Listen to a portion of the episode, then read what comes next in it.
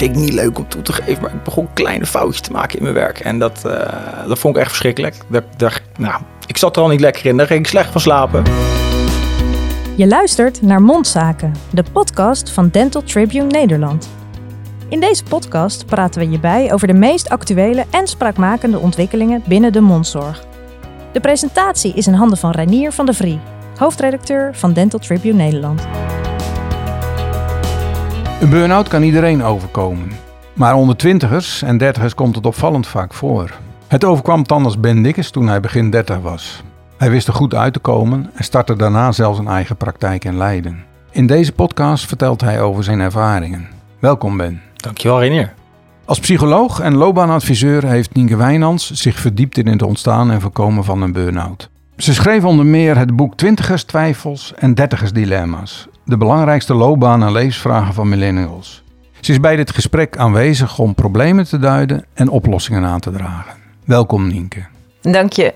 Ben, uh, voorafgaand aan deze opname van deze podcast gaf je aan wel enige aarzeling uh, te hebben om hieraan mee te werken. Omdat je niet als burn-out tandarts uh, te boek wilt staan. Waarom vind je het toch belangrijk om mee te doen? Ja, het is, het, ik, ik, ik luister regelmatig de podcast van Dental Tribune. Erg leuk. En dan is het vaak toch een beetje op, op inhoud. En dit gaat heel erg over de persoon. En dat vind ik wel spannend, daar ben ik heel eerlijk in. Ik vind alleen wel, mochten er nou een paar tandarts, een paar collega's zijn die hier iets aan hebben dan vind, ik het, vind ik het de moeite waard. Ja, ik had zelf de mazzel in een andere praktijk aanspraak te hebben met, met een collega die er pas kort daarvoor door een burn-out was gegaan. Dat, dat was wel heel waardevol. En dat heeft jou ook geholpen om er zelf weer uit te komen? Ja, absoluut. Ja, in ieder geval aan te voelen van... hé, hey, wacht eventjes, we, we, dalen af laten we niet uh, de bodem van de put uh, afwachten, zeg maar. Ja, ja. nou denk ik dat we daar later in het gesprek nog wel op terugkomen. Maar kun je eerst vertellen wat jou overkwam? hoe het burn-out is ontstaan of hoe je merkte dat je daar, daar last van had? Ja. En waar had je last van? Het moment dat ik echt thuis kwam te zitten was oktober 2018, ehm, begin november. Ehm, de periode daarvoor merkte ik al van, hé, hey, wacht even, ik, het gaat niet lekker. Ik was uh, kort aangebonden. Dat uh, kon ik op werk goed uitstellen, omdat ik altijd mijn energie wel reserveer voor mijn werkzaamheden. Een groot verantwoordelijkheidsgevoel. Dan begon ik thuis een beetje te merken. Mijn partner gaf aan van, hey, dit, gaat niet, dit gaat niet lekker. Ehm, ik begon het vind ik niet leuk om toe te geven, maar ik begon kleine foutjes te maken in mijn werk. En dat, uh, dat vond ik echt verschrikkelijk. Dat, dat, nou, ik zat er al niet lekker in, daar ging ik slecht van slapen. Mm -hmm. En de dag dat ik heb gebeld naar de praktijk van joh, uh, ik, ik, ik trek hier een streep. Dat was, ik, ik kwam rillerig van de trap af en ik dacht, hey, ik, ik ga gewoon nu niet de auto in. Dat ga ik gewoon niet doen. En uh, vanaf dat moment, dat is dan een beetje een, een zelfbetitelde burn-out. Want uh, ja, van ja, toch discussie over wat is dan nu een burn-out. Ik, ja, ik wist, ik had er geen labeltjes voor, maar ik, ik, ging, ik ging even niet meer werken. En dan had ik, nou heb je gedacht, wil een weekje thuis zitten en dan gaan we weer aan de slag ja, dat was uh, van een koude kermis thuiskomen. Die conclusie die uh, kon gouden prullenbak in. Dus dat is even heel kort ja, hoe dat zo gekomen is. En kon je toen zelf al duiden wat er aan de hand was? Of dacht je van, nou, dit kon wel eens langer duren of een burn-out zijn? Of dacht je van, ik moet even gewoon een weekje rust houden? diep van binnen had ik al vermoeden van ja, ik ben, ik ben aan het afdalen in die put, om het maar even zo te zeggen. En ik, kort, kort daarvoor had ik dus ook contact gezocht met, met een lieve collega in, in een van de praktijken waar ik werkzaam was. En tussen de bedrijven gevraagd van joh, jij hebt daarmee thuis gezeten, wat, wat voelde je op dit moment en, en wat deed je hiermee? Dus ik, ik, ik, ja, ik was er wel degelijk mee bezig. En dat heeft me denk ik geholpen om het, ja, wat zullen we zeggen, een, zachte landing uh, te maken. Want nou, dat stukje verantwoordelijkheidsgevoel. Ik had ook nog wat, wat, wat uh, maanden door kunnen sukkelen. Het wel die auto instappen. Ja, je hoort natuurlijk ook verhalen dat mensen gewoon meer dan een jaar uh, bezig zijn met zo'n burn-out. En ik ben alles bij elkaar denk ik een half jaar thuis geweest. Nienke, van wat je tot nu toe hoort, is dit, uh, uh, komt het bekend uh, voor als het over burn-out gaat? Ja, kijk, het, het meest lastige met burn-out is wel dat er over de definitie nog altijd gediscussieerd wordt. Ehm, er zijn zelfs mensen die zeggen een burn-out bestaat niet. En daarmee zeggen ze niet dat de mensen die er last van hebben niet het ontzettend zwaar hebben.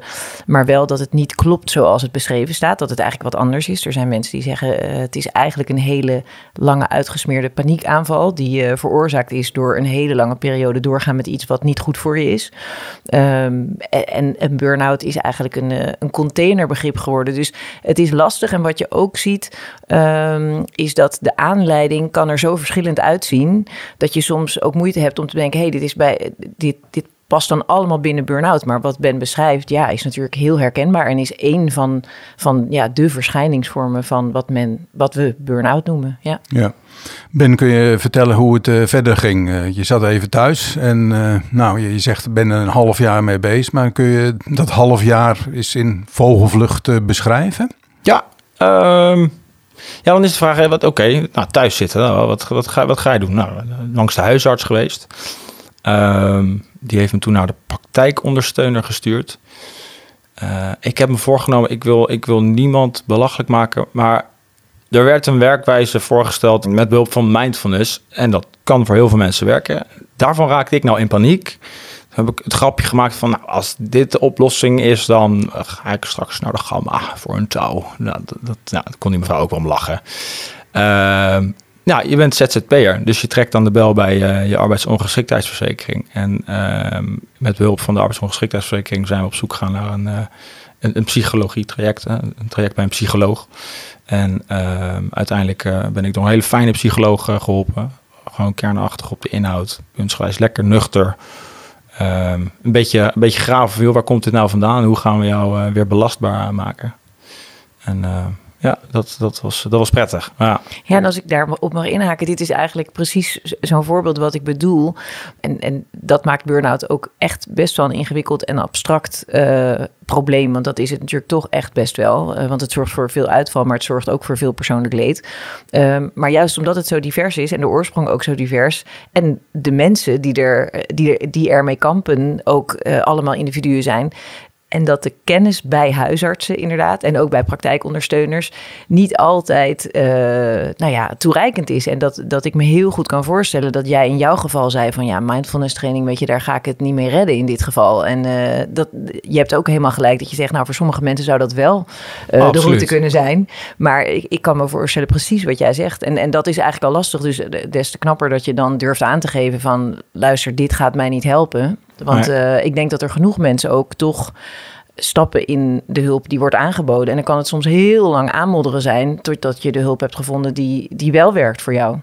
En ik heb uh, toevallig wel eens op een congres voor huisartsen gesproken... over twintigers, twijfels en dertigers dilemma's. Dus eigenlijk de fase die vooraf gaat aan een burn-out. Want dat is een fase van piekeren, pijn, twijfelen. Wat wil ik nou? Jezelf, je lat je heel hoog leggen, heel perfectionistisch zijn, uh, willen voldoen aan allerlei verwachtingen, sociale norm, sociale druk, tijdsdruk enzovoort als je daar te lang in blijft zitten, dat kan dan een van de veroorzakers van een burn-out zijn. Nou, je zag bij al die huisartsen echt een lichtje aangaan van, oh, maar daarom heb ik zoveel jonge mensen met dit probleem. Oh, dat wisten wij helemaal niet. En dan denk je, wat zonde eigenlijk. Want zo komt dan zo'n mindfulness als van, nou ja, zij zoeken ook iets. En het is met de beste intenties, want dat hoorde ik jou natuurlijk ook al zeggen. Je wil ja, niet ja, afvallen. Maar dan komt er een mindfulness training om de hoek. Terwijl dus, uh, nou ja, het gros van de huisartsen nog nooit van twintigers, twijfels, dertigers dilemma's hadden gehoord. Wat ook niet een, een uh, psychische diagnose is, maar wat een hele duidelijke voorbode is. Gewoon een levensfase waar je in zit, waar als dat nou ja, te veel van je vraagt, kan het leiden tot depressie of angst of burn-out klachten enzovoort. Ja, ook daar kom ik zo nog uh, graag nog even op terug. Maar ja. Eh, Ben, ik wil toch nog uh, wat, wat meer horen als je daarover wil vertellen. Van, mm -hmm. wat, wat was nou bij jou de oorzaak? Of waar, waar liep jij tegenaan? Kun je dat vertellen? Ja, het, het, het is, daar heb ik lang over nagedacht. Uh, want deze vraag, die, die komt. Uh, een aantal aspecten. Uh, allereerst denk ik vooral dat ik het mezelf heb aangedaan. Door dingen serieus te nemen. En dat is op zich prima. Maar ik kon wel hele kleine, simpele dingen mee naar huis nemen en daarover malen. ik heb bij een, een vrij grote praktijk gewerkt met heel veel plezier. Um, heel veel respect ook voor wat, uh, wat daar opgebouwd is. En dat, ik, ja, toen ik daar binnenkwam, wauw, weet je wel. En dan deel ik ook het verantwoordelijkheidsgevoel van, van, de eigenaar bij spreken. Van nou, ik, ik ga mijn steentje hier bijdragen. En dat heb ik naar mezelf toe, uh, heb ik dat volgens mij een tikje overdreven. Ik, uh, ik was bijvoorbeeld bang als, als een, een, bij een patiëntconflict, als iemand niet tevreden is. Ja, dat moest, dat moest zou ik oplossen. Terwijl je hebt gewoon binnen ons binnen ons werk heb je gewoon af en toe dat het niet klikt en dat, dat zij dan zo. Maar omdat het niet mijn praktijk was, ah, dan ging ik er alles voor doen om dat te redden. Ehm, dus dus in, in, in die zin heb ik eh, door dingen in zijn algemeen het heel, heel erg serieus te nemen, heb ik het mezelf aangedaan. En dan ja, s'nachts wakker liggen, niet kunnen slapen. Nou, dan maar iets vinden om, om de tijd te doden en moe te worden met series of een computerspel. Ik denk, nou, dan stop ik met een computerspel. Nou, dan werd het een serie tot drie uur s'nachts en dan wel om zeven uur beginnen. Dat was, dat was een goede formule om echt eventjes eh, die put eh, in, eh, in af te dalen. Ehm, Maar dan word je oververmoeid natuurlijk. ja, dus het was een visueuze cirkel. Ja. Ehm, een ander aspect is, ik ben in 2014 afgestudeerd en ik wist al wel ergens, heb ik ook aangegeven op de plekken waar ik ben gaan werken, ik, ik heb ergens de droom om een eigen praktijk ooit, ooit te hebben.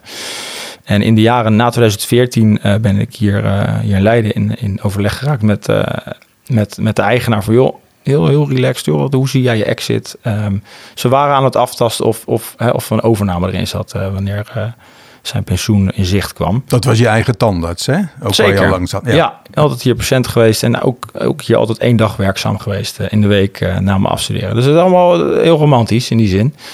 Maar die behoefte aan autonomie, die begon steeds groter te worden. En door omstandigheden bleef er geen datum komen van, joh, nu, dan gaan wij die overname inrichten. Dat, dat was diep van binnen eh, een stukje frustratie. Zeg maar van, hey, ik, ik, het, het begint nu echt te knagen. Ik wil echt graag zelf aan die knoppen zitten. En ik was dan ook werkzaam in een wat grotere praktijk. Daar zitten heel veel voordelen aan. En daar ben ik toch ook tegen nadelen aangelopen. En, en niks ten nadelen van die praktijk. Maar met, nogmaals, ik weet niet of ik straks een rondje namen mag doen. Dus ik ben heel veel mensen heel erg dankbaar. Uh, ook trouwens tijdens mijn burn-out heel erg veel hulp van, van, van echt urenlange telefoongesprekken van, van collega's. Echt fantastisch. Maar uh, algemeen gezegd, de lijnen zijn wat langer. Ik vind mezelf best een, een lieve, empathische tandarts. Uh, en het zijn vaak juist de lastige patiënten die zo'n tandarts nodig hebben.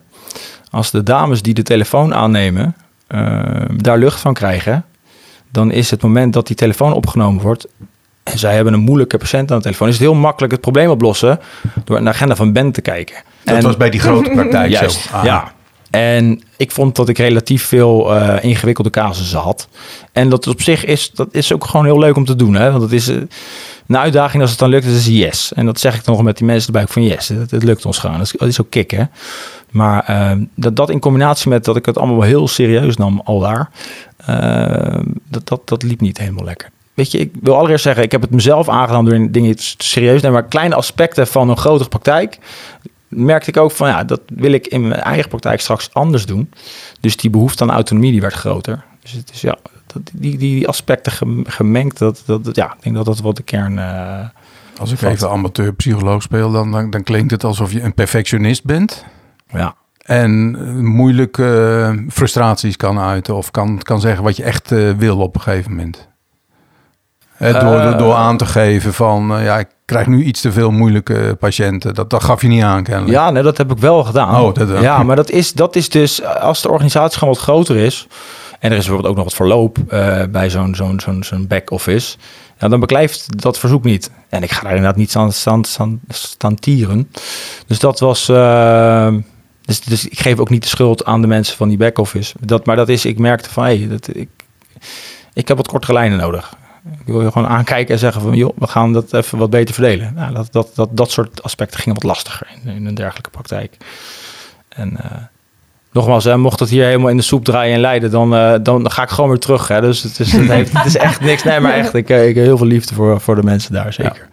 Wat zeg jij hierover, Nienke, als je dit uh, verhaal van Ben zo hoort? Um, ja, nou, ik, ik kan me heel erg vinden wel. Uh, je, je kan ook op mijn stoel gaan zitten. Nee, ik kan wel vinden in wat je zegt. Maar wat ik misschien denk, er is natuurlijk ook nog steeds een verschil tussen um, iets aan de ene kant wel durven zeggen. Of voor jezelf besluiten.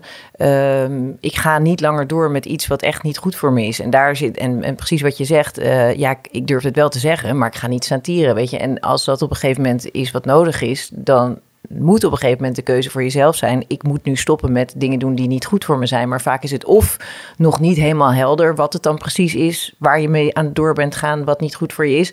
En ook die stap om dan te zeggen, ja, dan zijn natuurlijk heel veel redenen om dat niet uit te spreken, omdat daar weer allerlei andere consequenties aan zitten die ook spannend zijn. Dus. Ja. Kun jij zeggen wat het omvang van het probleem is, eh, van, van burn-out? Uh, jij zegt al, het is moeilijk om een definitie te geven, dus cijfers zijn waarschijnlijk ook moeilijk. Uh, ja, nou het interessante is dat ik ben eind uh, nou, eigenlijk rond de eeuwwisseling, dus dat is inmiddels al uh, ruim twintig jaar geleden, begon ik met onderzoek naar wat ik later twintigers twijfels, dertigers dilemma's noemde. En het interessante was dat we toen uit een periode van enorme burn-out uh, kwamen. En toen waren het destijds met name jonge, hoogopgeleide vrouwen.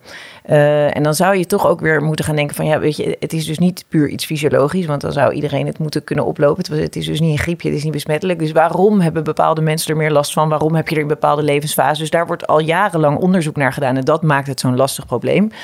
Maar wat dus een van de opvallende dingen is, was, was dat eh, wat ik aan het meten was, dat gevoel van dertigersdilemma's, waar een heleboel elementen in zitten, dat hield heel erg gelijke tred met burn-out cijfers. En dat hield gek genoeg ook uh, vaak wel een bepaalde trend met de conjunctuur. Dus hoe beter het ging in Nederland vaak, hoe succesvoller jonge hoogopgeleide mensen waren, hoe beter het ook op papier met ze leek te gaan. Terwijl ze dan stilletjes eigenlijk op de bank al in cirkeltjes aan het ronddraaien waren en het ging eigenlijk niet meer zo best. En uh, die periodes maken we steeds weer mee, want we hebben toen uh, een crisis gehad en een economische crisis. En, en grappig genoeg lost dat burn-out dan weer voor een tijdje op. Uh, en toen op een gegeven moment kwam. Ehm, Oh, ik zie jou in uh, vrolijk. Ja, ja, bijzonder. Ja. ja dus ik, um, vervolgens kwam de volgende periode van hoogconjunctuur eraan. En toen keken we in Nederland ook allemaal heel verbaasd. Want allerlei overheidsinstanties, uh, maar ook potjes en zo, die we hadden opgetuigd eind jaren negentig van de vorige eeuw, uh, die waren er al lang helemaal niet meer. Want nou, burn-out hadden we geen last meer van. Iedereen keek zo heel verbaasd van, oh, burn-out, oh ja, dat is. Dus ik dacht, hé, maar hoe kunnen jullie nou vergeten dat dat, weet je, dat heeft ook te maken met hoe goed het op een gegeven moment gaat, hoeveel eisend mensen ook op een gegeven moment weer worden. Het is gek genoeg als het goed goed gaat, willen we niet minder, maar dan willen we met z'n allen eigenlijk alleen maar meer en ook door. En dan heb je inderdaad ook een groep, vaak hele jonge, hoogopgeleide mensen, die dan niet meer op tijd aan die handrem kunnen trekken. En waar uh, lopen ze dan tegenaan? Wat, wat maakt het hen dan zo moeilijk? Uh... Ja, dat, dat, dat uh, kijk, daarom is het ook zo uh, goed en belangrijk, weet je, dat Ben zijn persoonlijke verhaal doet, omdat dit een voorbeeld is, hè, hoe, hoe dat bij hem gegaan is. En wat ik al zei, in de jaren negentig waren het uh, jonge, hoogopgeleide vrouwen, omdat die eigenlijk destijds voor het eerst ook meededen in dezelfde mate als mannen. Dus die waren eigenlijk gewoon nog niet zo gewend aan al die ballen tegelijk in de lucht houden. Dus die, die hadden daar gewoon minder ervaring mee. Nou, gelukkig zie je dat dat, dat, dat langzaam aan normaler begint te worden. Nu zie je dat als het uh, periodes goed gaat, juist ook weer na een tijd van schaarste, dat mensen ook het ingewikkeld vinden om dan.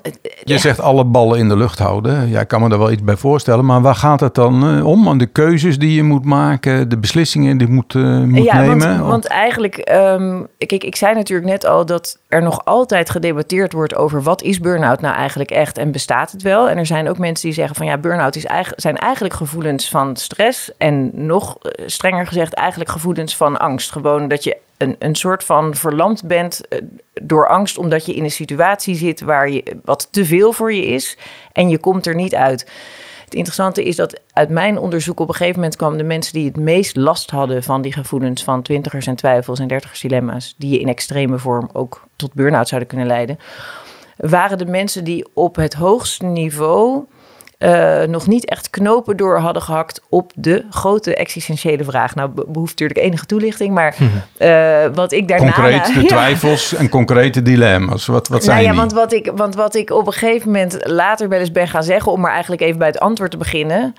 De grote existentiële vraag is: uh, wat is de zin van het leven eigenlijk? En vervolgens komt de vraag: wat is de zin van mijn leven?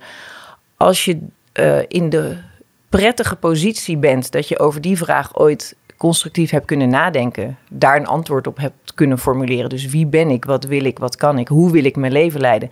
En je bent ook nog in de gelukkige omstandigheid dat je daarnaar kunt handelen, dan zul je geen burn-out krijgen. Dat is dus de omgekeerde vorm ervan. En wat het betekent, uh, naar mijn idee, is dat uh, wanneer je dus wel in een burn-out zit, en dat is iets waar, waar veel experts het dus toch over eens zijn dan zit je in een situatie waarin je al te lang bent doorgegaan met iets, wat dan ook. Vaak is het werkgerelateerd, maar steeds vaker is het tegenwoordig in de veel eisende maatschappij ook gewoon levensgerelateerd. Dus het kan ook aan de druk van social media liggen, aan de druk van de maatschappij, aan de druk van jou. Dus te lang doorgaan met een situatie die niet goed voor je is. Maar kun je eens wat, wat waar twijfelen mensen over, die twintigers? Uh, en... Ja, waarom komt het dan bij jonge mensen zoveel voor? Er is ook interessant onderzoek recentelijk geweest en die zei het heeft eigenlijk niet eens zo met leeftijd uh, te maken, maar uh, met de fase in je loopbaan waarin je ambitie voelt. En dus mensen die bijvoorbeeld op latere leeftijd net van baan zijn geswitcht of nog een ambitie voelen of voor zichzelf willen beginnen, die zitten ook weer even in een risicoperiode voor burn-out. Omdat gek genoeg juist in die fase van ambitie, waar komt dat burn-out gevoel dan vandaan? Bij twintigers en dertigers uh, is er ten eerste sprake van keuzestress. Waar vroeger uh, hè, we weinig keuze hadden, zeggen, zeggen mensen van vroeger nog steeds: Nou, dat is toch alleen maar een luxe. Nee, hoe meer opties er zijn, hoe lastiger het wordt. Keuzes bijvoorbeeld waarover? Nou, het gekke is dat begint gewoon op dagelijkse basis al met de keuzes voor consumentenproducten in de winkel. Maar ook wat voor iPhone wil je, of hè, wat, voor wat voor mobiel wil je, maar ook wat voor energiecontract sluit je af. Het feit dat tegenwoordig op elk vlak van het leven de, en ik zie Ben knikken, dus ik ben straks benieuwd van jou toe. Maar dus het feit dat op elk vlak van het leven de opties zo talrijk zijn, maakt de keuzestress immens. Uh, er zitten een aantal dingen aan. Doordat de opties talrijk zijn, wordt het onoverzichtelijk en krijg je een overweldigd gevoel van ik ga er nooit uitkomen. Je krijgt toch de illusie dat de juiste optie ertussen zit. Maar omdat de opties zo talrijk zijn, zul je die vast wel niet vinden. Er treedt bij uh, jonge mensen een gevoel op van geanticipeerde spijt. Dus niet meer de spijt van ik heb een foute keuze gemaakt. Nee, de spijt die je verwacht te zullen gaan ervaren, omdat je toch vast fout zult gaan kiezen. Nou, waar leidt dat toe? Tot apathie en niet kiezen, omdat je bezorgd bent dat je die foute keuze gaat maken.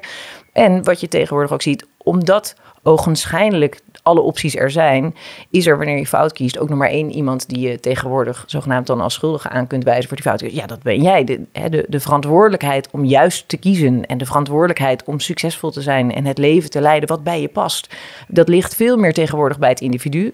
Nou, tel daarbij op de sociale druk, die er ook altijd al is geweest, maar die alleen maar is toegenomen door uh, globalisering en de komst van social media. We maken elkaar allemaal gek met plaatjes van hè, hoe het ideale leven van een dertiger eruit ziet. Je hebt een bepaald soort huis, een bepaald soort relatie, een bepaald soort baan. Uh, als je op reis gaat, dan ga je natuurlijk niet op het strand liggen. Nee, dan moet je met een. Het is heel makkelijk om je te spiegelen en te zien van, oh, uh, ik heb het minder dan het de andere. Ja, en dan zit daar nog steeds ook voor heel veel jonge mensen toch een bepaald verwachtingspatroon en een bepaalde druk. Een heleboel mensen voelen een bepaalde druk van huis uit nog altijd. Uh, ouders die een studie hebben bekostigd bijvoorbeeld, maar ook maatschappelijke druk. En het interessante is, dat zit ook heel erg in taal. Tegenwoordig zeggen ouders met de beste bedoelingen ook tegen een kind van, nou, als jij maar gelukkig bent.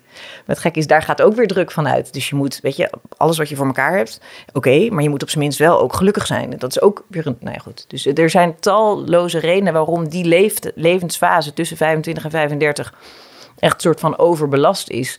En dat is dus een, ja, een recept voor uh, burn-out als consequentie. Ja, als jij dat zo hoort, Ben, is dat uh, herkenbaar voor een deel uh, wellicht? Of uh, zeg je van nee, dit is, is toch niet zo mijn verhaal? Of nou, ik ga het gesprek een hele rare wending geven, want ik herken de meeste dingen totaal niet. En dat is juist, nee, dat maakt het juist interessant ook, denk ik wel. Uh, Nee, want uh, zonder al te veel verder daarop in te gaan. Ik, uh, ik, ik ben wel religieus, zeg maar. Christen, dus dat is even dat existentiële stukje. Dat, uh, ik, ik meen niet alle antwoorden in pacht te hebben, maar dat, dat, heeft, dat is wel een, een, een rol al heel lang. Dus dat, dat, dat is het niet zozeer geweest. En ehm, te veel te kiezen. Nou, ik had natuurlijk eh, al wel voor ogen. Ik wil gewoon die praktijk hebben. Ik wil die. Dus ik had die ene keuze, maar er waren omstandigheden waarom dat nog even ging duren. En ik merkte wel dat, hey, dat ondanks dat je dat wilt, dan in een situatie je moet blijven uh, ronddobberen waar je eigenlijk niet zo prettig bij voelt, dat, dat, dat werkte niet lekker. Het, ja, ik vind het ook wel prettig om te horen dat hey, heel veel problemen herken ik niet. Het is alleen maar eh, een zegen, zeg maar. Heb jij niet het gevoel ontzettend veel keuzes uh, te hebben moeten maken over, uh, ja, over je leven inrichten, wat je doet met je ja, met werk, hoe je wilt werken, een relatie waar je wil wonen, nou ja, et cetera? Tuurlijk, dat, is, dat is, maar dat, maar dat geeft, gaf geen stress, zeg maar. Nou, een groot deel van dat pad had ik al bewandeld voordat die hele burn-out kwam kijken. Dat had ik, ja, een bescheiden huis gekocht, twee kindjes.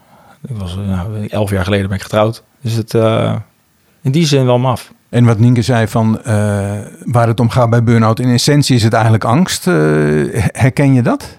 Nou ja, dat, dat wel. Er wordt natuurlijk vaak de metafoor gebruikt van nou, je, je accu is leeg en die laat niet meer lekker op. dat kun je net zo goed vertalen als een, als een, als een verlengde paniekaanval, zeg maar. Die, eh, een soort slot wat, wat op je denken uh, zit, wat niet zomaar eraf gaat. een beetje, dus ja, interessante metafoor ook. Ja. Nienke, ze hebben uh, tandartsen lopen die extra risico om uh, een burn-out uh, te krijgen? Nou, dat is juist het interessante waarom Ben zegt... ik herken een heleboel dingen niet. Het grappige is dat toen ik begon met dat onderzoek... Ehm, dat heel veel breed opgeleide mensen aangaven jaloers te zijn... op mensen die van jongs af aan al een soort roeping voelden. Ehm, en, en, jij zei ook, Ben, jij wilde eigenlijk vanaf hele jonge leeftijd ja. al tandarts worden, toch? Ja. Um, en daar zijn mensen die bijvoorbeeld bedrijfskunde of rechten of psychologie... of noem nog maar wat brede studies waar je 50 beroepen mee kunt gaan uitoefenen. Die zei, ik ben altijd zo jaloers geweest op iemand die gewoon altijd al heeft geweten, ik wil advocaat worden. Want als je dat tenminste weet. Dus het interessante is dat jij zegt, nou, daar zat het bij mij helemaal niet in. En dat neemt heel veel van die keuzestress tussen, nou, zelfs de 15 en de 35 weg. Wat je alleen wel ziet, is dat juist bij heel specialistisch opgeleide mensen, zodra er dan iets misgaat, of, en dat is in jouw geval dan niet misschien helemaal het geval, maar er zijn ook wel eens specialistisch opgeleide mensen die ergens in het traject gaan twijfelen aan hun keuze, dan is die angst veel groter. Want omdat je zo specialistisch gekozen hebt, betekent het natuurlijk veel, zijn de implicaties veel groter. Je hebt daar heel veel in geïnvesteerd. Ja. En, ja. Ik denk eerder die hoek. Ja, absoluut. Ja. absoluut. Heb je wel eens getwijfeld over het tandarts zijn of je keuze om tandarts uh, te, te worden? Ja, puur om het feit, eh, ik griep dat vanaf mijn elfde of zo. Ja, toch op een gegeven moment, een fase in mijn leven gezegd, ja, hallo, wilden weten een kind van elf dan? Weet je af en toe van die uh, eikmomenten van, vind ik, vind ik het nog tof, zeg maar. En dat, uh, ja, ik kon elke keer wel antwoorden met ja. Uh, en tijdens je studie en, en later je werk, heb je, toen, heb je toen echt het idee gehad van, nou, dit, dit past helemaal bij mij? Ja, dat heb ik eigenlijk alleen maar steeds meer bevestigd gezien. En tijdens je burn-out heb je ook niet gedacht van uh, ik moet iets anders gaan doen? Nee, sterker nog, toen is dat idee van uh, ik moet die eigen praktijk gewoon eerder gisteren dan, dan vandaag realiseren. Het werd alleen maar sterker. Omdat het voor jou een deel van de oplossing was om ja. autonomie meer te, te verkrijgen. Dat was ook echt een beetje een conclusie toen met de psycholoog van dat ik denk dat het goed is om dat te gaan exploreren, die, dat voornemen. En ja, ja, bizar eigenlijk. Wie verzint dat? Maar ja. Nee, maar ik denk dat dat een hele belangrijke is. Want dat is iets waar ik het met mensen die specialistisch opgeleid zijn... daarna heel vaak over heb gehad. Als er iets misgaat, dan hoeft dat niet te betekenen dat jouw oorspronkelijke keuze niet de juiste is geweest. En kijk, gelukkig, jij twijfelde niet aan je keuze, maar hè, eh, de randvoorwaarden waren op dat moment niet juist en het ging niet goed. Maar je hebt ook mensen die dus door de gevoelens alleen al van zo'n burn-out, dus door de verschijningsvorm, zo in paniek raken dat ze denken nou, dit vak is het dus niet voor mij. Of dat ze gaan twijfelen aan hun oorspronkelijke keuzes. Nou, in een hele enkele geval zal dat misschien waar zijn en moet je echt iets anders gaan doen. Maar in heel veel van de gevallen zit het een puur in de randvoorwaarden en helemaal niet in de beroepskeuze die je destijds hebt gemaakt. Dus het zit heel vaak in, nou ja, je eigen regelmogelijkheden vergroten. Inderdaad, precies wat jij zegt, veel meer behoefte aan autonomie en dus liever niet in een grote praktijk, maar voor jezelf of wat dan ook. En dat zie je dat wel wanneer zeg maar na de eerste werkervaringen uh, dit soort gevoelens gewoon van overbelast zijn. Hè, waar dan de eerste aanleiding ook ligt. Uh, wanneer die er komen, dan zijn breed opgeleide mensen voelen zich eigenlijk juist zekerder. Want die denken dan op dat moment van, nou ja, ik twijfel wel, maar ik kan natuurlijk alle kanten nog op. En dan zie je juist dat specialistisch opgeleide mensen soms in de paniek schieten.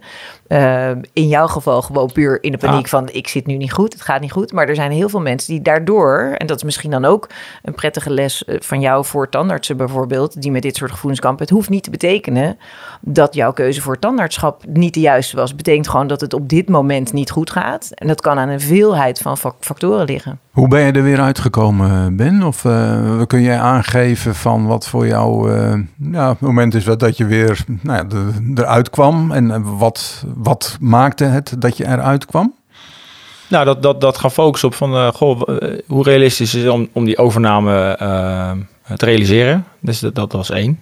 Ehm, dat ontzettend uh, plezierige gedrag, daar hebben we het ook uitgebreid over gehad uh, met de psycholoog. En dat, uh, ja, dat mocht wel eens een tandje minder. En ehm, dat, ik denk dat dat prima gelukt is zonder mijn empathie kwijt te raken, zeg maar. En ehm, dat is ook het grappige. Het is namelijk, mocht dat, die, dat grapje maak ik zojuist, uh, mocht het hier de soep indraaien. Ik denk dat ik nu prima op die, uh, op die andere plek uh, weer aan het werk zou kunnen. door, door alle lessen die ik heb geleerd. Als gevolg van die burn-out. Maar heb je angst dat het hier in de soep zou uh, draaien? Absoluut niet. Nee. Nee, nee dat, dat, een grapje. Nee, het is om even aan te geven dat het, het, het, het, was echt meer iets in mij dan dat het... Uh, ik, ik ga dus niet die externe factoren de schuld ja. geven. Nee, maar je zegt van uh, die empathie moet ik wat een andere manier ja. mee omgaan. Of die moet ik zeker houden. Maar het minder pleasen. En dat kun je natuurlijk makkelijk zeggen theoretisch. Ik moet minder pleasen. Maar als dat in je zit is dat misschien wel erg lastig. Heb je, leer je daar dan trucjes voor? Of is dat dat steeds weer iedere dag als je begint of bij iedere patiënt even realiseren van, oh, nu doe ik dit gedrag wat misschien niet zo verstandig is. Ja, dat is, dat is een beetje gefaseerd gegaan. Hè? Dat, is, uh, dat kan Nienke misschien wel beamen. Dat, ik heb dat in het begin echt, toen ik ging reïntegreren, uh, echt be bewust, uh, inderdaad wel, misschien soms wel letterlijk ermee opstaan van, ik ga vandaag niet te veel toegeven aan onzin. Sommige mensen, die, ja, daar klikt het gewoon niet. Of die hebben onrealistische eisen. En dan gewoon durven zeggen van joh, het, er is gewoon een grens in wat we, wat we kunnen doen. En hoe ver we kunnen meebuigen, meedenken. En als dan de conclusie is, nou dan ga ik wel weg. Dat zij dan zo. En het feit dat dit mijn praktijk patiënt, is en dat ik dat iemand kwijtraak, dat is, ja precies. Dat zij dan zo. En dan, dan ja, daar, daar slaap ik dus ook niet meer slecht van. En dat is wel heel prettig. Ja, maar wat, uh, wat doe je nu anders, concreet, dan wat je voorheen uh, deed? Uh, ik ben toch wel duidelijker in, in het aangeven van, uh, van mijn grenzen. En uh, ja, iets minder gevoelig voor manipulatie. En dat, ja, ja. ik vond mezelf voorheen al redelijk assertief, maar dat, dat stukje empathie en dat is gewoon wel groot. En sommige mensen willen er misbruik van maken en dat lukt ze even iets minder makkelijk nu. en dat, daar ben ik ook nog wel trots op ook. Ja, ja. Zo. Grens aangeven, denk, ik, denk ik, dat is vaak wel belangrijk voor mensen om dat te, te kunnen en dat goed te doen, hè, op het juiste moment. Uh.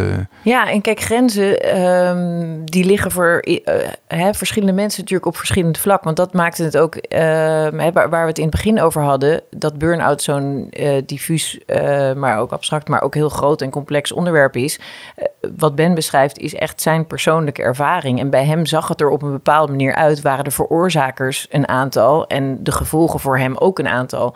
Maar, maar sommige dingen die je zegt zijn universeel. Een groot deel van de oplossing ligt toch in het vergroten van het zelfinzicht. Waar ging ik mee door wat niet goed voor mij was? En precies ook wat jij zegt, in het begin, wanneer je weer gaat opstarten en wanneer je in de weg weer naar boven uit die put, waar jij het steeds zo, zo mooi over hebt, weer, weer zit dan moeten mensen zich soms letterlijk vertellen. Uh, de dingen die, die bij hen misging. Dus jij, noemt uh, een aantal van die punten. Ik hoor het ook dat mensen soms zeggen: Ja, ik heb gewoon op mijn koelkast geplakt van ik voel stress, waar komt het door? Weet je, dat hm. mensen zich gewoon letterlijk ja. de vraag stellen. Ja, nee, niet gedaan, maar ik kan me voorstellen dat het een manier is om uh, inderdaad uh, even in die... Echt omdat zij zeggen van ja, ik voel het weer en voorheen ging ik dan door of juist harder of precies wat jij zei, om ter ontspanning een serie kijken, daardoor te laten bed. Nee, nu denk ik echt, ik voel stress, waar komt het door? Heb ik gisteren die opdracht aangenomen die toch net iets te ver eigenlijk buiten mijn expertise lag? Dan is vandaag gewoon nog de mogelijkheid om te bellen en te zeggen, ik doe dit niet. Weet je, en je merkt dat in het begin moet je dat oefenen, oefenen. En uh, moet je jezelf toespreken. En op een gegeven moment wordt het een tweede natuur en gaat het steeds gemakkelijker. En hè, dat is een deel ook levenservaring, maar ook Mhm. werkervaring enzovoort. Maar voor een deel is het ook gewoon iets, iets trainen bij jezelf, waar je dus vroeger. En, en die grenzen kunnen dus liggen op het gebied van uh, hè, wat jij zei, uh, bepaalde lastige. Uh, patiënten, maar dus ook aan een praktijk aangeven. Nou, dat hoeft nu niet meer. Nou ben je de baas, maar dan dan nog. Uh, dus ik bedoel, die, die grenzen kunnen voor iedereen op een ander vlak liggen. Dus je moet ze eerst herkennen. Ja. Dan soms een periode heel bewust bewaken. En dan op een gegeven moment gaat dat steeds natuurlijker. Ja, zelfinzicht, zei je, is belangrijk ja. in een uh, deel van de oplossingen vinden. Zijn, ja. zijn er, wat is verder nog belangrijk om oplossingen te vinden? Ja, toch. Dat is ook wat ik bij jou terughoorde. En dat wat ik tegen jonge mensen. En dan heb ik het even niet. Uh, dan, dan generaliseer ik even zelfs gewoon ook naar buiten de, de wereld van de tandartsen toch open en eerlijk durven communiceren. Als ik een uh, voorbeeld even he helemaal buiten jullie wereld mag noemen. Uh, uh, een groot prestatiegericht bedrijf waar ik voor werkte in Nederland. En hun klacht bij mij was van ja, al die millennials zijn gruwelijk verwend. Hm. Wij zijn een piramidemodel en er is maar 1% bij ons wat in het top van het management zit. Maar dan heb je zo'n vijfjaarsgesprek met ze. En dan vraag je van nou, waar zie je jezelf over vijf jaar? Nou, wat denk je? Al die millennials zeggen ja, in managementfunctie. Vervolgens ging ik op zoek in dat bedrijf om dit probleem op te lossen. Dat ze allemaal zo verwend waren en een managementfunctie eisten. En dan sprak die millennials en die zeiden dan... Ja, het is zo heftig, een super uh, prestatiegericht bedrijf hier. En dan heb je zo'n vijf jaar gesprek. Nou ja, en dan vragen ze, ja, waar zie je jezelf over vijf jaar? Ja, dan moet je natuurlijk wel zeggen in een managementpositie. Want ja, als je dat niet zegt, dan is daar het gat van de deur. Want dan ben je niet ambitieus. En dan denk ik, daar zitten we dus met elkaar, elkaar voor de gek te houden gewoon. En dan soms is het zo simpel dat je die, die millennial durft niet. Die, die werkgever denkt dat hij hartstikke open is. De deur staat altijd open. Je kunt hier zeggen wat je. Ja, dat blijkt dan toch, doordat de machtsverhoudingen net anders liggen, blijkt dat niet waar te zijn. En dan, dan is het aan beide partijen open en eerlijk blijven communiceren. En wat jij ook zei, soms voelde je het al en durfde je het wel te zeggen, maar nog niet te schreeuwen en te stampvoeten van nou, ik wil. Ja, nee, dat, dat, dat schil aan stampvoeten, dat valt, dat valt wel mee hoor. Dat is niet dat ik dat nu heel veel bij ga doen. Maar inderdaad gewoon je, ja, je grens aangeven, dat, uh, dat, dat, is prettig. Ja. Liggende oplossingen vooral in jezelf. Uh, we kunnen natuurlijk ook externe factoren zijn waardoor je helemaal uh, ja, in de stress schiet, zeg maar. Maar liggen toch de eerste plaats de oplossingen bij jezelf? Nou, ik denk dat dat echt bijna 50-50 is. Want als je er eenmaal in zit, dan ben jij eigenlijk de enige die eruit kunt komen door te ontdekken waarom voel ik me zo en wat moet er veranderen. Er is niemand anders, want de buitenwereld ziet dat vaak niet. Toch vind ik het recept voor burn-out ook toch nog altijd wel een maatschappelijk recept. Hè? En dan heb ik het niet specifiek over de tandartsenwereld, maar de druk die we elkaar met z'n allen opleggen om een bepaald leven te hebben, om bepaalde dingen voor elkaar te hebben, uh, dat maakt toch dat men wil voldoen aan de norm. De norm is dat je en gelukkig en succesvol bent. Nou, dat is het latje nogal vrij hoog leggen. En um, daardoor merk je dat met name jonge mensen, maar mensen dus ook uh, waar dat onderzoek naar is gaan, mensen in de ambitiefase, dus wanneer je in een periode zit in je loopbaan dat je iets aan het najagen bent toch het risico loopt om je te laten drijven door oneigenlijke drijfveren. En dat is, het is aan het individu om daar uh, ja, scherp op te zijn en daarnaar te handelen. Maar ik vind nog steeds ook dat het een oproep is aan de maatschappij om toch ook met z'n allen steeds weer te kijken van waarom leggen wij toch met z'n waarom houden we al die normatieve dingen in stand? Waarom zijn we toch met z'n allen aan het kan ook in die bedrijfscultuur absoluut, zitten bijvoorbeeld. Absoluut. Of dat kan ook in een tandartspraktijk, ja, uh, het management zitten, onbewust uh, dingen ja. opleggen eigenlijk of verwachten die niet, nou, niet voor iedereen goed zijn, zeg maar. Nee. Ben, ehm, je gaf het ook al aan, je hebt veel met uh, andere mensen gesproken. Uh, wie helpen je eruit of wie, aan wie heb je steun gehad om, uh, om er weer bovenop te komen? Allereerst mijn vrouw Petra. Die moet, ja, absoluut. Want die, die moet ik eerst gaan uitleggen wat een partij geduld die mag gaan hebben met mij de komende maanden. Uh, want de psycholoog die adviseert een paar, uh, paar uur per dag lummelen en, uh, en hier ruimte. En dus ik, ik was echt afhankelijk van haar begrip, terwijl we gewoon een jong gezin te runnen hadden. Had zij het aanzien komen? ja, achteraf. Zij was zo, ja, of? ja, ja, nee, ook wel ervoor. Van, Daarvoor, ja, ja, zij is degene die, die vooraf alle, alle kortaf naar snoutjes kreeg. Dus hij Ben, ga er eens wat aan doen, want dit is niet, niet leefbaar, niet leuk. En nou, denk ik wel dat ik op tijd bij was. Niks te ver gegaan of weet ik het wat. Maar uh, nee, het was dus allereerst uh, haar geduld uh, heeft een grote rol gespeeld. Ja, en als ik dan, ja, ik mag best een naam noemen. Colette Bush was mijn, mijn psycholoog in Den Haag. Hele, hele relaxte vrouw. Ook gelachen ook, maar had gewoon heel, ja, hele fijne handvatten. ja, ik merkte, ik weet nog wel dat in de eerste week gewoon het, het uh, eraan toegeven van joh, jij gaat gewoon voor niet volgende week weer aan het werk. Want dat had ik ook weer schuld, over schuldgevoel over natuurlijk. Van oh, al die mensen die, uh, moeten nu afgebeld worden. Al die moeilijke mensen die alleen bij mij wilden. Oh, dat voelde ik heel, oh, dat was heel groot.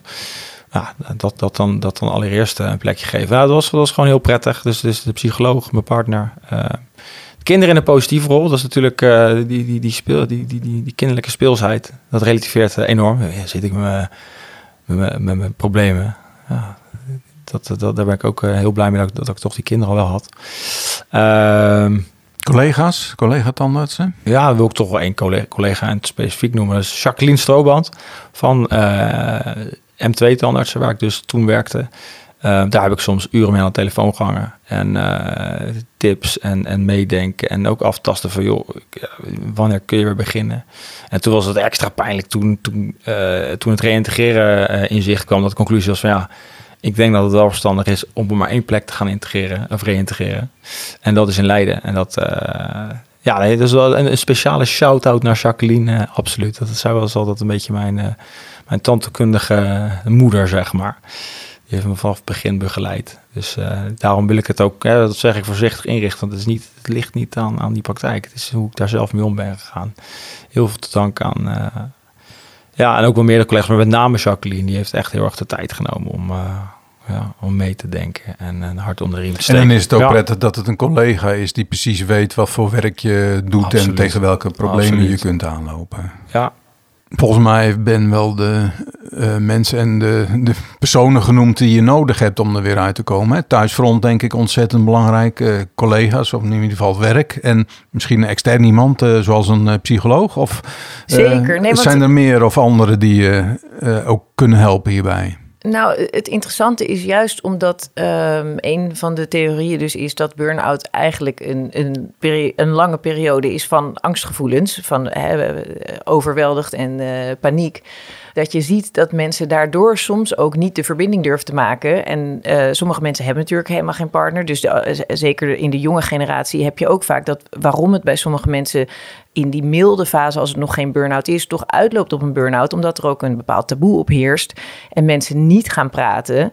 Terwijl eh, het beste medicijn tegen angst is vaak het uitspreken en bespreken met mensen. Omdat ten eerste, als je het jezelf hoort zeggen, is het vaak al minder erg dan dat het in je hoofd is. Hm. En vervolgens, wanneer je iemand hebt die het beste met je voor heeft, dan hebben mensen eigenlijk altijd al, en dan is een luisterend oor al stap één. Maar dan komen er vaak ook goede adviezen en hulp en steun. Want uh, angst maakt ook heel eenzaam en eenzaamheid maakt ook heel, heel angstig. Dus het helpt juist ontzettend goed om daar anderen bij te betrekken. En wat je Ben natuurlijk ook hoorde zeggen, er zijn verschillende gradaties in hoe erg is jouw burn-out al gevorderd. En er zijn misschien mensen bij wie dan een mindfulness training hè, nog voldoende kan uitrichten. Maar ik ben het helemaal met jou eens. Wanneer je echt in een burn-out zit, dan heb je naar mijn idee een goede psycholoog nodig. En precies ook wat heel belangrijk is, wat zij ook zei: van zet dat idee van volgende week aan het werk gaan, maar weer even in de koelkast. Want als, we, als je ook ziet waar we het net over hadden, eerst een proces van bewustwording, dan een proces van grenzen gaan herkennen en ook durven bewaken. Dat heeft gewoon wat tijd nodig. En het tegenovergestelde hoor ik trouwens ook wel eens. Er zijn ook psychologen die roepen van, nou, dat gaat minstens een jaar duren. Dat raad ik ook niet aan om te zeggen, want dat weet je niet. Alleen wat je wel vaak merkt, juist de generatie, eh, de, de, jonge generatie en dan ook burn-out gevoelige mensen zijn perfectionisten en harde werkers. Dus hun eerste instantie is, idee is hun eerste intentie is vaak, nou, over een weekje ben ik er weer. Nou, mm. dat niet. Maar ik, ik ben ook niet iemand die zou zeggen van roep meteen van nou, dit gaat wel een jaartje duren. Want daar worden mensen ook heel. Uh, nee, dat geeft ook gelijk een enorme zware last, uh, lijkt me. Ja. Vond je het ook een uh, teken van zwakte om toe te geven dat er iets meer was dat je het niet aankon? Absoluut. Daar, dat, dat is allemaal in het begin, die beginfase, die acceptatie. Dan is, jongen, jongen, ik heb misschien, nou ja, misschien allemaal grapjes gemaakt ook, hè, voorheen over ja, burn-out, overbelast. Jongen werken allemaal hard. Ja, hoe kom je daar zelf mee te zitten? Ja, dat, dat, was, dat, dat stukje acceptatie was, was pittig. Ja. Ja, ja. Hoe voorkom je een burn-out? Want ja, dat is natuurlijk uh, ontzettend belangrijk ook om te weten eigenlijk. Uh. Ja, um, nou ja, het interessante is, en ik denk dat, uh, dat ik het leuk vind om met Ben daar straks, als de microfoons ook weer uit zijn, over door te praten. Want, want ja, daar hebben we te, te, weinig tijd voor. Want, want, want voor een deel is het dus, wat, wat ik merk en wat uit mijn onderzoek kwam, is wanneer je die existentiële vraag stelt. Dus als je voor jezelf op tijd bedenkt wie ben ik in dit leven? Waar wil ik voor leven? Hoe ziet dat eruit? Enzovoort. Dan zie je dat de kans echt al een stuk minder is. Um, dus dat vind ik interessant als jij zegt van... oh, die vraag heb ik nooit last van gehad... maar ik ben wel in een burn-out beland. Dus uh, daar ga ik straks met Ben even over doorpraten. Maar dan ben, ja. ben, ben, ik heel nieuwsgierig naar. Um, verder is het zo dat voordat een burn-out een burn-out heet... of we dan over eens zijn hoe dat, wat dat precies is... en weet ik, begint het al met veel mildere signalen. Dus de allereerste signalen die je lichaam geeft, maar ook die je brein geeft en, enzovoort, die zijn al veel milder. En wat ik tegen de jonge generatie vaak zeg is, je moet toch leren om eerder aan de bel te trekken en de signalen die je krijgt van je lichaam en van je brein eerder serieus te nemen. Want uiteindelijk mondt het uit in een burn-out en is de paniekaanval zo groot dat je gewoon zocht dat mensen echt zeggen van nou, ik kan mijn bed niet meer uitkomen bij spreken of ik kan niet meer functioneren of inderdaad ik ga fouten maken meer. Maar de eerste signalen zijn altijd veel kleiner. Dat beetje kribbigheid, vermoeidheid, slecht slapen, allerlei kleine dingen en dan raad ik vaak aan, maar dat is natuurlijk juist zo moeilijk, want dan denk je op zo'n moment, ja, ik heb toch helemaal nergens last van. Nee, iedereen is wel eens een beetje kribbig, iedereen is wel eens een beetje moe, iedereen is wel. Nee, dat is de fase waarin een burn-out nog te voorkomen is. Ben, eh, denk jij nu, uh, je hebt het hele ja, traject doorlopen, van denk je, dit overkomt mij niet weer? Mijn hemel, oh, graag. ja, nee, die, ehm, ik heb die praktijk overgenomen in 2020, september 2020. Helemaal uitgerekend met Richard Maswijk. Uh, ook een, een, een trouwe gast van de podcast. Uh, dus dat, dat stukje, dat zat goed. Um, toen kwam 2021. Mijn, mijn voorganger, mijn collega Guy, die, ehm, die kreeg begin van 2021 kreeg hij een TIA. Dat was allereerst echt een, een persoonlijk drama voor, voor mijn collega. Daarbij ook voor de praktijk. En voor mij, want alle uh, plannen waren gestoeld op, op nou, die begroting, geen vet op de botten. En een week daarna zou een verbouwing plaatsvinden in de praktijk van nou, een, aanzienlijk bedrag. Dat, dat bracht de nodige stress met zich mee. Mijn moeder is uh, in maart van het jaar ernstig ziek geworden en in hetzelfde jaar ook uh, overleden. Uh, corona als een soort sausje ook over het jaar. En dit, wat ik ermee wil zeggen is, 2021 had in principe alle ingrediënten in zich om te zeggen van zo, uh, die, uh, die, die zou wel weer eens overbelast kunnen raken. En nou hebben we het heel erg druk en af en toe best dat ik even, moet, even een stapje terug moet zetten. Maar we, we, redden het en ik heb niet het idee dat ik aan het afglijden ben. Um, en dat is ook wel deels, als je het dan hebt over externe factoren. Is niet leuk om mijn collega's, mijn, mijn, mijn naaste collega's, je externe factoren te noemen. Maar ik heb gewoon hele fijne, fijne collega's. En ik noem ook de assistenten en de dames die de telefoon mee opnemen, collega's. Ik maak er geen onderscheid in.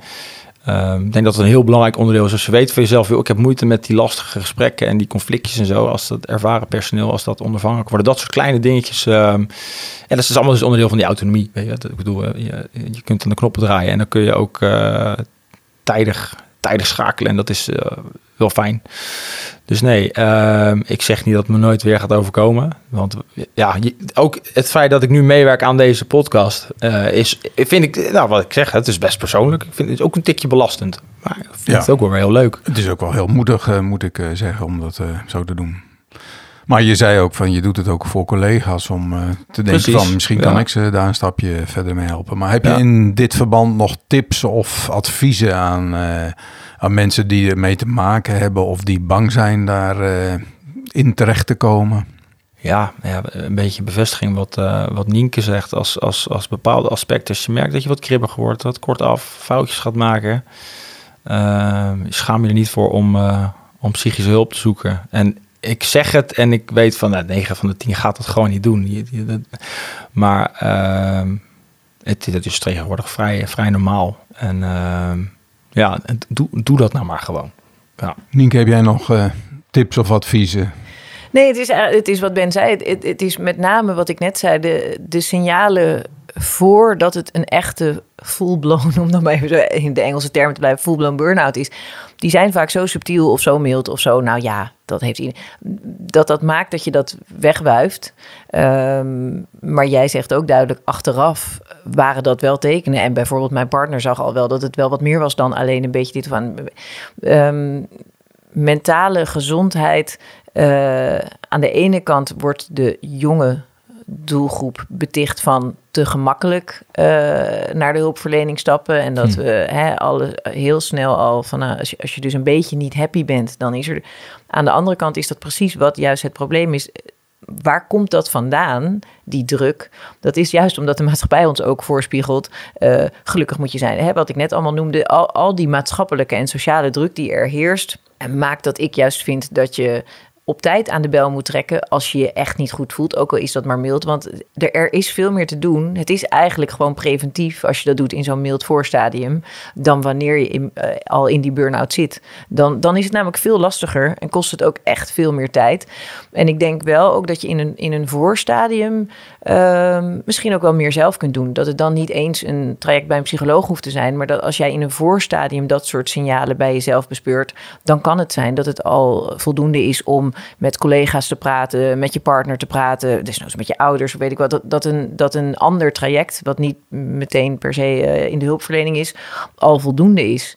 En met name uh, ja, stimuleer ik uh, de jonge mensen toch om een soort vinger aan de pols moment met zichzelf regelmatig te hebben van ben ik nog op het juiste spoor? Wat zijn mijn doelen eigenlijk? Eh, Waar ben ik naartoe op weg? Past hetgeen wat ik doe daar nog bij? En je lichaam en je brein vertellen het je gewoon van tevoren al best wel lang voordat je in een burn-out eh, belandt. Dus luister daarnaar en handel daarnaar.